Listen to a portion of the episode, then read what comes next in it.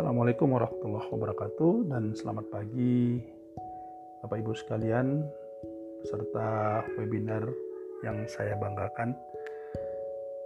Pagi ini saya akan coba memaparkan dan mendiskusikan kepada kita semua suatu paparan gambaran bagaimana sebenarnya oxidative stress itu mempengaruhi kondisi kesehatan tubuh kita apakah sesuatu itu membahayakan atau menguntungkan. Kita tahu bersama bahwa oxidative stress adalah satu keadaan di mana ter terjadi ketidakseimbangan antara radikal bebas dan antioksidan. Dan ini tentu saja akan mempengaruhi eh, kehidupan sel dan proses metabolisme yang menyertainya. Suatu radikal bebas dapat dikatakan sebagai suatu spesies ion atau molekul yang tidak memiliki pasangan elektron. Ya. Sehingga elektron yang tidak berpasangan ini cenderung untuk menyerang biomolekul atau eh, komponen-komponen lainnya supaya elektron tersebut stabil. Untuk itulah peranan antioksidan dapat mengikat elektron bebas tadi sehingga menjadi kedudukan yang stabil.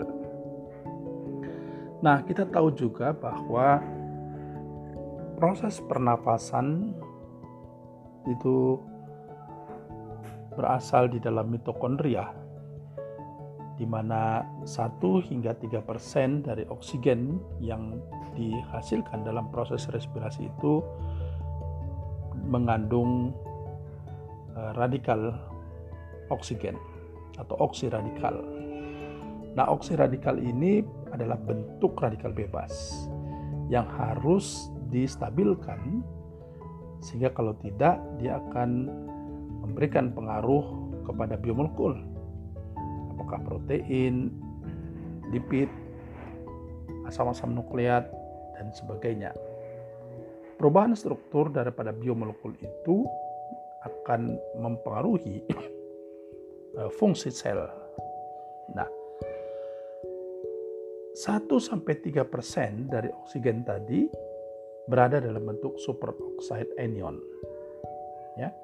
Superoxide anion ini harus distabilkan oleh enzim yang namanya superoxide dismutase membentuk hidrogen peroksida atau H2O2. Dan H2O2 ini juga adalah bentuk radikal bebas. Sehingga harus diurai membentuk H2O dan O2. Jadi di dalam mitokondria itu sebagai power of house atau power of plant-nya ya proses kehidupan itu dia dapat menghasilkan uh, energi yang kita inginkan ya dalam bentuk ATP. Kemudian juga menghasilkan suatu molekul-molekul signaling sebagai uh, antioksidan dan juga komunikator di dalam mempertahankan sistem daya tahan tubuh.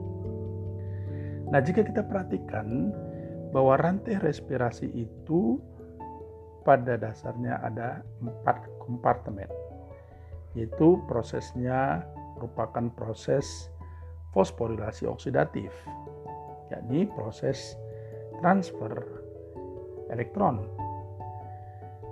Jadi ketika bahan makanan itu kita makan atau kita asup melalui proses eh, metabolisme seperti glikolisis, maka setelah memasuki beberapa fase-fase sehingga molekul-molekul yang berperan di dalam proses transport elektron itu adalah molekul-molekul redox seperti NADH, FADH, dan sebagainya. Nah, pada kompartemen satu itu kita lihat terjadi transfer elektron dari senyawa NADH untuk ditransfer kepada koenzim Q, kemudian dari situ transfer lagi ke sitokrom C, sitokrom A, sampai akhir akan menghasilkan ATP. Jadi ATP inilah sebenarnya yang kita butuhkan di dalam kehidupan kita ya sebagai sumber energi. Nah, kemudian kalau kita lihat di sini oksiradikal atau reaktif oksigen species itu yang dihasilkan tadi sebagian dalam mitokondria itu dapat saja membentuk radikal-radikal yang lain ya ada superoxide anion, ion hidroksil ya dan itu harus di, distabilkan oleh enzim-enzim antioksidan seperti SOD, glutathione peroksidase, katalase, tirodoxinodotase dan sebagainya. Nah, mekanisme yang ada di sini ditunjukkan oleh anti-antioksidan. Dalam ini antioksidan itu ada dua, ada yang bersifat enzimatis dan ada juga yang non-enzimatis.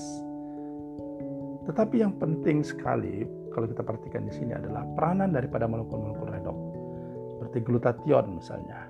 Glutathione itu harus nantiasa dalam bentuk yang tereduksi.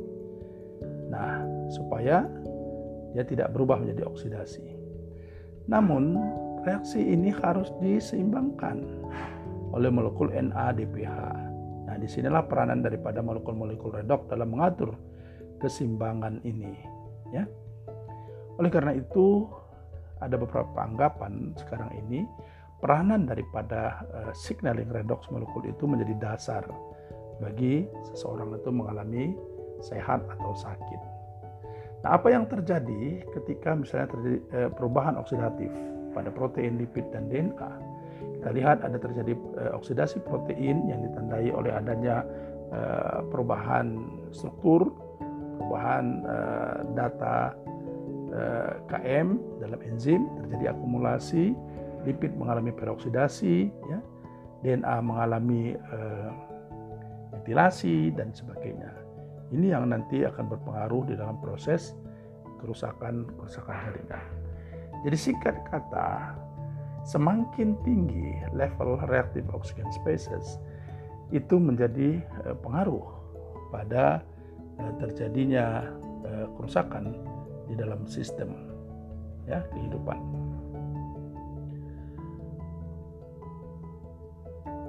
Nah, kemudian beberapa penyakit-penyakit degeneratif kalau kita lihat di sini hampir dipastikan terjadi akibat adanya uh, reactive oxygen species ini ya. Jadi uh, peranan daripada ROS itu cukup cukup tinggi ya di dalam uh, membentuk penyakit. Oleh karena itu perlu sekarang dikendalikan oksidatif stres tadi dengan jalan memperbaiki kerusakan oksidatif yang ada.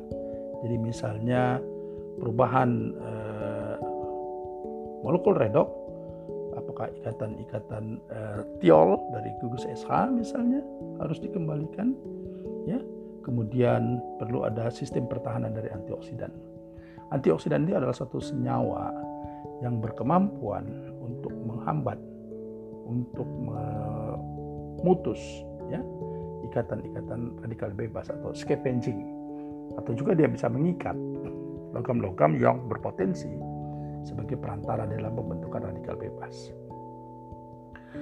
Nah, seperti ini kita melihat bahwa sebenarnya eh, adanya gangguan di dalam sel, apakah itu proses inflamasi, apakah itu proses stres, apakah itu proses infeksi, terjadi sebenarnya akibat peranan redox signaling yang tadi yang mungkin saja di satu tempat mengalami increasing peningkatan ekspresi atau di sisi lain mengalami decreasing. Nah, peranan ini tentu saja di dipengaruhi oleh keberadaan dari oxidative stress tadi atau oksiradikal. Nah, sebagai gambaran misalnya, sejauh mana peranan radikal bebas dalam tubuh? Radikal bebas ini bisa dikatakan sebagai pisau bermata dua pada dosis rendah dia berperan juga ya untuk menangkis serangan-serangan daripada adanya uh, pencemaran daripada mikroba yang masuk ke dalam tubuh atau juga dia dapat menangkis daripada eh, apa namanya penyakit-penyakit yang ada. Nah, kalau kita perhatikan di sini, sejauh mana misalnya pengaruh daripada hidrogen peroksida terhadap viabilitas sel kanker misalnya dibandingkan sel hepatosit normal. Nah, pada dosis-dosis tertentu, kalau kita lihat ada kecenderungan penambahan eh, hidrogen peroksida ini justru akan membunuh daripada sel-sel kanker, ya, sel HepG2 itu, ya, dibandingkan dengan uh, sel hepatosit. Gitu. Nah, kemudian kalau kita lihat juga sebagai gambaran misalnya eh, radikal bebas itu pada perokok ya MDA ini adalah salah satu marker di dalam radikal bebas yang ditunjukkan pada perokok itu meningkat dibandingkan dengan bukan perokok. Ini artinya apa? Bahwa rokok itu dapat dianggap sebagai salah satu e, bentuk daripada e, terbentuknya radikal bebas di dalam tubuh. Kemudian kalau kita lihat di sini, sejauh mana misalnya peranan antioksidan seperti mangostin yang ada di dalam manggis itu dapat me, menghambat radikal bebas, ya, dia juga berperan di sini. Kemudian kalau kita lihat juga bagaimana misalnya eh, parameter lain dari radikal bebas yaitu eh, protein eh, karbonil, ya ini juga dapat dilihat ya mengalami eh, penurunan. Nah, sekarang kalau kita lihat antioksidan itu ada dua jenis, ada yang berasal dari dalam tubuh dan juga dengan uh, luar tubuh. Ya. Yang dari luar, kalau kita bandingkan di sini, kita bisa melihat beberapa parameter-parameter seperti DPPH, reduction power, total phenolic content. Nah, ini juga dapat menunjukkan kepada kita bahwa peranan anti-antioksidan ini juga cukup cukup berpengaruh. Nah, parameter untuk menunjukkan adanya eh, kemampuan antioksidan itu bisa dilihat sebagai oksigen radikal absorbance capacity atau ORAC. Nah, di sini digambarkan pada kita bahwa buah-buahan yang memiliki warna yang lebih eh, gelap ya itu menunjukkan sifat antioksidan yang lebih lebih tinggi. Jadi tidak semua buah juga ya baik untuk dikonsumsi karena kondisi antioksidan yang berbeda-beda. Nah, apakah antioksidan juga mampu untuk mencegah terjadi pembentukan kanker? Dari beberapa penelitian yang dilakukan, ternyata memang eh, peranan antioksidan itu juga cukup eh, memberikan pengaruh terhadap penurunan daripada eh, parameter radikal bebas seperti 8-OSDG, kemudian menurunkan viabilitas, kemudian meningkatkan apoptosis, ya, dan juga berpengaruh terhadap enzim thioredoxin reductase antioksidan itu sangat berpengaruh ya dalam kehidupan kita. Namun harus diingat bahwa bertambahnya usia itu dapat menurunkan ya, level antioksidan di dalam tubuh. Nah, di sinilah persoalannya ketika antioksidan tidak lagi mampu mengimbangi daripada uh, oksiradikal radikal yang ada, sehingga apa? Sehingga tubuh dapat menjadi sakit. Nah, kondisi-kondisi ini akan diperparah ya dengan adanya eh, peroksidasi, oksidasi damage dalam protein, sitoskeletal, akumulasi protein yang memberikan beberapa penyakit-penyakit degeneratif seperti obesitas, aterosklerosis, demensia, osteoporosis, ya, kanker bahkan penuaan. Nah, sekarang kita masuk di era pandemi COVID. Dari data-data yang dilaporkan, ternyata pada kasus tertinggi ya kalau kita lihat di sini 47,71 persen itu penderitanya adalah orang-orang tua ya di usia-usia 75 tahun ke atas. Kenapa? Karena boleh jadi tadi bahwa antioksidan di dalam tubuh eh, para orang-orang tua itu menurun dibandingkan dengan usia-usia muda. Nah, virus corona itu masuk melalui proses pernapasan ya terjadi suatu reaksi antara uh, protein yang ada yang kebetulan di situ mengandung gugus tiol dan reseptor AC angiotensin connecting uh, enzyme 2 yang juga ada tiol. Jadi dalam kondisi oxidative stress ini memungkinkan terjadi pemutusan ikatan tiol membentuk jembatan disulfida. Nah, kemudian kalau kita lihat setelah masuk apa yang terjadi? ya dia akan bersemayam dalam uh, pembuluh darah kemudian di, diangkut sedemikian rupa pada saat antioksidan kita tinggi dia tidak terlalu berpengaruh ya tetapi ketika misalnya antioksidannya rendah terjadilah induksi terhadap uh, faktor inflamasi sehingga tubuh menjadi uh, mengalami gangguan. Nah, struktur dari virus ini sedemikian rupa sehingga sekarang ini beberapa peneliti mencoba untuk berupaya menghambat ya dari bahagian eh, protein di sini sehingga tidak lagi mampu mengenali reseptor AC2. Nah, perkembangan yang terakhir kita lihat bahwa infeksi eh, COVID ini terdiri dari tiga fase. Ada fase infeksi awal, yaitu fase di mana virus itu menyebar dan mengalami proliferasi ya kemudian mengalami suatu uh, gangguan terhadap imunitas kemudian gangguan terhadap uh, pulmonari pada pernapasan dan juga pada hiperinflamasi. Nah ini adalah gambaran kepada kita bagaimana sebenarnya uh, masuknya uh, coronavirus itu ya melalui reseptor AC2 dan terus menginduksi ya faktor-faktor inflamasi yang ada. Nah, beberapa penelitian juga menyebutkan apakah sebenarnya eh, ada pengaruh defisiensi dari enzim G6PD glukos 6-fosfat dehidrogenase terhadap meningkatnya infeksi eh, coronavirus. Dari penelitian ini didapatkan bahwa betul ada pengaruh ternyata akibat defisiensi itu.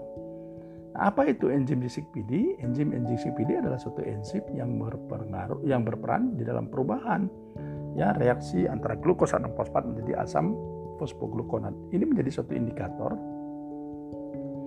karena defisiensi enzim disipidi ini mampu memberikan pengaruh terjadinya suatu eh, gangguan sistem redox. Nah, kalau dilihat di sini kalau dia berkurang berarti ini NDPH-nya kan juga rendah di sini. Ya, sehingga ini akan berpengaruh terhadap glutathione. Peranan glutathione ini adalah untuk menjaga sel darah merah kita daripada uh, gangguan. Kemudian ada lagi, apakah melatonin di, uh, mampu untuk mencegah? Kita tahu bahwa melatonin adalah salah satu antioksidan yang dihasilkan oleh sel pineal, ya, kelenjar pineal, dan dia berperan juga sebagai antioksidan, antiinflamasi, ya, kemudian mengatur jam tidur dan sebagainya. Nah, kalau kita lihat di sini bahwa eh, coronavirus yang menginfeksi itu dapat mentrigger CD8 di dalam uh, sel tubuh dan ini akan terus berpengaruh menyebabkan terjadi inflamasi dengan pelepasan TNF serta interleukin 6 dan interferon gamma.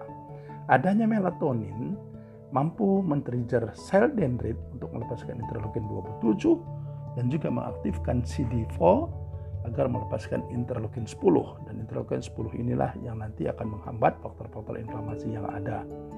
Jadi sebenarnya sebagai konklusi kita menyatakan bahwa oksiradikal itu itu harus nantiasa dijaga dalam konsentrasi rendah karena dia akan meningkat ya dengan adanya beberapa aktivitas-aktivitas sel lainnya.